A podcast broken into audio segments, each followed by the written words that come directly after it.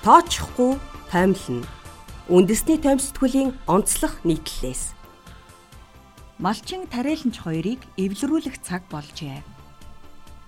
Уул уурхайд түшгэлсэн хүрэн эдийн засаг Монголд ноёсоор удлаа. Нэг үе зэсийн баяжмалд найддаг байсан бол одоо нүүрсээ түшхээс үр сонголтгүй болжээ.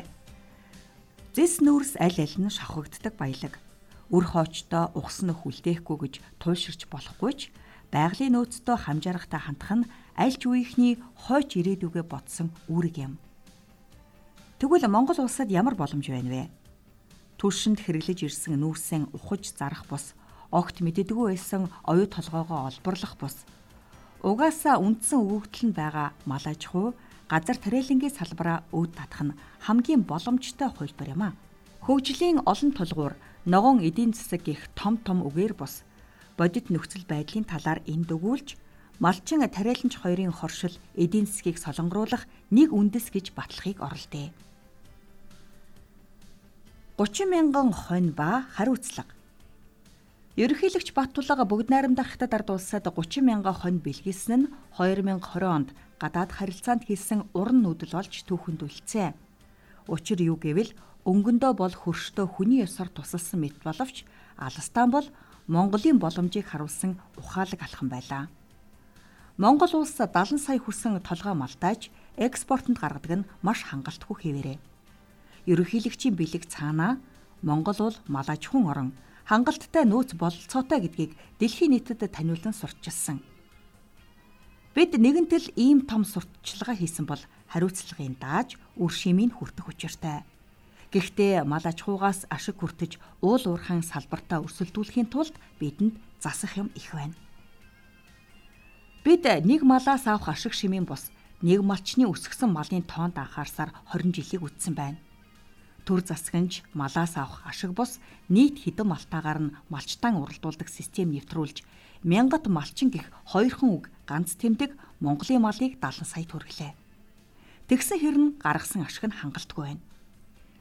Жилээс жилд тоо толгой нь өсөж байгаа Монгол малын ашиг шим тэгвэл хинт наалдаад байна вэ? Гадагшаан зарж гэгүүлсэн юм алга, дотооддоо хямдхан борлуулсан нь чалга. Жил бүр нөөцийн мах бэлтгэж, махны үнийн хөөргөдлийг дарах оролдлого хийсээр даруй 10-аад жил өнгөрлөө. Малчт нь малаа үнд хүргэлгүй, малгүй нь хямд мах идэж чадалгүй удлаа. Мал аж ахуйд бий болсон энэ нөхцөл байдлын хохирогч нь бүх Монгол улс болж хувраад байна. Тэгэхээр бид мал аж ахуйгаар эдийн засгаа солонгоруулах том амбицаан хэрэгжүүлэе л гэж байгаа бол эхлээд мал сүргийн чанартай сайн тэжээлэр тэжих ёстой юм. Мал нэг бүрээс гарах ашиг шимийг нэмэгдүүлэх, малын үйлдвэр ухсааг сайжруулж, сүргийн бүтцээ сэлбэж чанаржуулах гэх мэт ажлууд өвс тэжээлийн хангамжийг сайжруулж байж л шийдэгдэх учиртай. Эрчимдсэн мал аж ахуй сайн чанарын хангалттай хэмжээний тэжээл шаарддаг. Харин манайд одоогоор энэ боломж нь алга. Улс цагуур орчин шинжилгээний газраас хийсэн 2020-оос 21 оны өвөл хаврын бэлчээрийн судалгаагаар нийт бэлчээрийн 50 орчим хувь нь хүрэлцээтэй, 25% нь 3 дахин хэтэрсэн, үлдсэн 25% нь 3-аас дээш хувь хэтэрсэн гэсэн үнэлгээ гарчээ. Бүр энгийнээр хэлбэл Монгол улсын бэлчээрийн даац 20 сая толгой малаар хэтэрчгээд байгаа юм. Мал өсөх сайханч даац хэмжээнээсээ хэтэрх нь олон хөнөөлтэй. Уур амьсгалын өөрчлөлт, цөлжилт, хаяагаа тэлсээр байгаа энэ үед мал өсөх сайхан гэж сууж ээж болохгүй. Ганц зуднаар хотон харлуулсан малчин даацсан хитэрснээс цөлжсөн бэлчээр хоёртоо үлдэхгүй тулд бидэнд малын тижээлийн тариаллтыг нэмэгдүүлэх зайлшгүй шаардлага тулгараад байна. Газар тариалангийн салбарын жил жилийн хэрэглээ хэмжээ нэр төрлөө харвал урагшилсан гэж болохоорч социализмын үетэй харьцуулбал ухарчээ. Улсын хэмжээнд тариалангийн гэж болохоор 1.3 сая га талбай бий. Үүний 740 гаруй мянган га талбайд нь 14.7 мянган өрх тариалалт хийж амьдрал ахуйгаан залгуулдаг. Талбай ашиглалт 50 гаруй хүн хувьтай байна. Өдгөө Монгол улс төмсний хэрэгцээгээ дотоодоос бүрэн хангаж, бусад хүнсний ногоогоо 90% хангадаг. Төрөөс буудаан тариалтанд ихээхэн анхаарч татаас өгдөгч хуваарлах салбар нэх байдаг тул хураасан буудаан ханаж хүрдэгвэ. Дотоодын буудаан дийлэнхийг гурилын үлдвэрт өгдөг үлдсний тижээлийн спиртийн үйлдвэр дараа онд тариалах үр нөөц гих мэтэр хуваадаг. Ингээд хуваахаар тижээлийн үйлдвэрт 20 хүрэхгүй мянган тонн буудаал хүртдэг байна. Малтагаа харьцуулбал 40 литрийн бетон руу нулимсантай ижил тижэл хурааж байна гэсэн үг. 2020 онд хурааж авсан 480 гаруй мянган тонн буудааны 398 мянган тонн нь гурилын үйлдвэрт, 42 мянган тонн нь дараа онд тариалах үүрэнд, 22 мянган тонн нь улсын үрийн нөөцөд, 17.6 мянган тонн тэжээлийн үйлдвэрт, 7.8 мянган тонн спиртийн үйлдвэрт ногджээ. Ингээд харахаар нийт тариалалтын 30 хуваасны нэгийг л тэжээлийн үйлдвэрт зарцуулж байгаа юм. Ийм арчаагүй байдлаас нь болж 60 орчим мянган тонн тэжээл импортоор авахар болж нөөд галийн татварыг тэглээд байна. Бодит байдал буюу талцуулах бодлого. Тариалан бэлчээрийн талбайгүйгээр орших боломжгүй. Ядаж л тэжээл гисэн ганц өнцгөөс харсан ч энэ хоёр салбар нэг нэгнээсээ хамааралтай. Хамаарал ихтэй гэдэг нь зохицуулах асуудал ихтэй гэсэн үг. Тэгвэл энэ зохицуулалт манад хангалтгүй байна. Мал аж ахуйн салбарт бэлчээрийн асуудлыг огт зохицуулдгүй орхисноос мал малчинтайгаан дайсагнах болжээ. Мал аж ахуй газар тариалангийн салбарын хоорондын харилцааг зохицуулахдаа дутуу бодож тариалангийн талбай руу мал орвол орсон малын тариалангийн талбайн эзний орлого болгоно гэх мэтэр хит хатуу муухар хандснаас малчид тариаланчдтай үл ойлголцож дайсагнаж үхэж үрэгдэх явдалч гарч байгаа нь эмгэнэл юм. Малчид бичээрэ булаалдан нэгнийхээ амьд хүрсэн хэрэг хид хид удаа гарсан. Сүүлийн жишээ гэхэд 2020 оны 9-р сард Хүсгэл аймгийн Жаргалан цуманд 23 настай залуу саахалт айлынхаа гэр бүлийн хоёр хүнийг хөнөөгөөд өөрийгөө эгүүтгсэн бий. Өдгөөгөөс 3 жилийн өмнө Баян-Улгийн аймгийн Улаанхус суманд мөн л саахалт айлынхан бэлчээрээсээ болж нэгнийг хөнөөсөн. Тус аймгийн тухайд өмнө нь Цэнгэл, Алтай, Дилүүн, Ногоонуур суманд ийм төрлийн хэрэг гарч байжээ. Хууль эрх зүйн орчин сайжрах найдлага байхгүй бэлчээр доройцоор буй зэрэг хүчин зүйлээс харвал ийм эмгэнэлтэй хэрэгүүд цаашдаа ч гарах нь тодорхой. Нөхцөл байдал ийм л байна. Мал аж ахуй газар тариалан нэг газар байх ёсгүй гэдэг яах ч аргагүй тийм. Энэ хоёр аж ахуйн тус бүрийн онцлог, газар зүйн бүтэц байршил, бүр байгалийн зам ёсны талаас нь харсан ч тэр Төрөөс энэ асуудлыг зохицуулахаар газар тариалан мал аж ахуйн бүс нутгийг тогтоох зэрэг асуудлыг хуульд тусгасан ч хэрэгжих боломж одоогоор хомс байна. Зэрэгцэн орших харилцааг зохицуулахдаа хит нэг талыг барьсан нь хууль тогтоомж гаргасан нь үл ойлголцод нөлөөж байгаа нь үнэн. Гэхдээ энэ нийтлэлээр бид төрөөс хууль эрх зүйн орчныг сайжруулах гэхээсээ илүү маргаан үл ойлголцлын гол шалтгаан руу анхаарлаа хандуулахыг хүсэж байна. Малчид хоорондын болон малчид тариаланчдын зөрчилдөөний гол шалтгаан нь ердөө л малын идэх өвс тэжээл юм. 3 зүгийн 4 малчин. Малчин буян дэлгэр Булган аймгийн Тэрших суманд төллөх 200 толгой эм хонь цөөн тооны хурагтай аж төрдөг. Түүний хувьд бэлчээр ажлын ачааллаас үүдэн малаан 300 тоо толгоноос хэтрүүлдэггүй. Хаврын цагт хонио тэжээхэр жилд 400 орчим боодол өвс тэр хавьяасан худалдан авдаг. Хадлангийн талбай дээрээс нь худалдан авбал боодол өвс 5000 төгрөг. Намар орой өвс хоордоход үн ялмгүй нэмэгдэх талтай. Үүнээс нь өртөж бэлтгэлэн базаадаг байна. Эрдэнэ болгоны хувьд жилд 2 сая төгрөгийг хаврын хавсрагад малаа тэжээх өвсөн зарцуулдаг.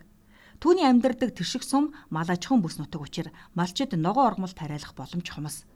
Арилжааны зорилгоор ногоо ормол тариалдаг хуруу дарам аж ахуй нэгж байдаг ихэвчлэн байгалийнхаа өвсийг хадаж борлуулах нь борлуулж ахуй хэрэгцээндээ хэрэглэх нь хэрэгэлдэг байна.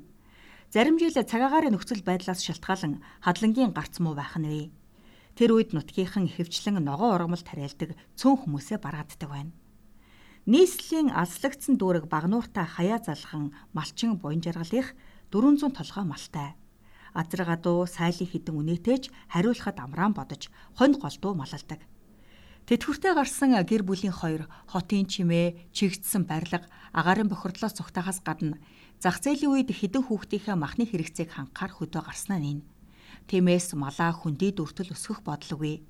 Хавартан төлөө авч хавсарганд хідэн малаа цөөлөхгүй байхыг л хичээнэ. Тэднийх энэ жил 200 боодол ногоо өвс 500 кг хэвэг тэргуутан авчээ. Өнгөрсөн жил боодол өвс 8000 төгрөг байсан бол энэ жил 12000 төгрөг болж өссөн байна. Дээрээс нь нутаг сэлгэсэнд бол малынхаа ариун хүнсийг ахиухан бэлтгэр тооцжээ. Ингэснээр малынхаа тижээл өвс зэрэг нэмэлтэд 3 сая төгрөг зарцуулаад байна. Тэрээр мал аж ахуйгаас хоньны носоо тушаахаас өөрөөр орлого олдгүй тул малын тижээл өвсөндөө энэ хэмжээний мөнгө зарцуулах нь хүнд. Мөн санаандаа нийцсэн өвс олж авах нь бараг хомс учир тохиромжтой газарт сууршвал өвсөн өөрөө тариалах хүсэлтэй. Малчин батсан гэл ногоон өвсөө өөрөө тариалдаг тул тэрээр өвс тижээлд өмнөх хоёр малчнаас 2-оос 3 дахин бага мөнгө зарцуулдаг. Монгол орны баруун хойд хэсэг хамгийн хүйтэн газар гэгдэх тосон цэнгэл суманд малчин батсангэл дөрвөн га газарт өөрийн хэрэгцээндээ зориулж ногоо өвс тариалдаг байна. Нэг га талбайд дөрвөн уут буюу 160 кг үр ордог. Овёсны үрийг нэг уут буюу 40 кг-ыг 28 мянгад төгрөг авч тариалдаг байна. Намар арчилгаа цагаагаарын байдлаас шалтгаалаад 140-оос 150 бодол өвс хураан авч 80 орчим тонны үхрээ тижээдэг. Бяцхан тооцоол хийхэд тэрээр нэг гад 160 кг үр тариалдаг. Өөр 40 кг-тай нэг уут нь 28 мянган төгрөг гэж тооцохоор дөрвөн гад 640 кг үр буюу 16 уут үр орно. Инхээр үрнэдээ 448 мянган төгрөг зарцуулдаг байна. Өөрийн техникээр тариалалт ургацсан хураадаг тул зардал бараг гарахгүй. Нэг ёсондоо түүний малаа тижээхэд зориулах зардал нь 500 орчим мянган төгрөг. Бацанглийн найз лавгсран цөөн тооны өхөр 200 орчим богтой жилд 200 бодол өвс авч 100 өхөртөө өгдөг. Богоо бол нэмэлт өвс өглгүй бэлчээрт гаргаад болгодог ажээ. Тэрээр зэрэгэлдээ тэлмэн сумаас бодол өвс 8000 төгрөгөөр бодож 1.7 сая төгрөгийн өвс худалдан авч тижээдэг байна. Тэжээлийн ургамлын тариалтыг нэмэгдүүлье. Газар тариалангийн салбар цаад утгаараа малчтаас бэлчээрийг нь булаах маягаар өргөжөж хөгждөгч эргээд тэжээл өвсний нийлүүлэлтийг хангаж чадахгүй ханхыг хүсдэггүй байдлаас энэ бүх маргаан үл ойлголцол эмгэнэлт хэрэгүүд үүдэж байгааг хаа хаана ойлгох цаг нь болсон. Энэ жил 6 аймагт өвлжилт хүндэрсэн. Зүүн бүсээс бусад аймагт хадлангийн гарц тааруу байсан учраас баруун, говь, төвийн аймагт өвөл хаврын улиралд шаарддаг өвс тэжээлийн нөөцийг бүрдүүлэх нь энэ өвөл хүндхэн байсан. Тэр тусмаа Баян хонгор аймагт байгалийн ийм хүнд цаг тулахад өнөөх орой руу орно гэдэг шиг тэжээлийн ургамал тариалах нь тун зөв байжээ гэдгийг ухаарч эхэллээ. Ингээд аймгийн хэмжээнд 500 тонн үр нийлүүлж тариалалт хийсэн. Хэдий нэргсэн хойно нь хашгирсан ч байгалийн ашиг таашгүй энэ үед тариалалт хийгээд өвстөөгөө байх нь чухал юм байна гэдгийг ойлгосон нь зол юм. Одоо өргөнөөр ажил хэрэг болгох нь чухал байна. Ив ивдэрсэн малчин тариаланч хоёрыг эвлэрүүлэх цаг болжээ.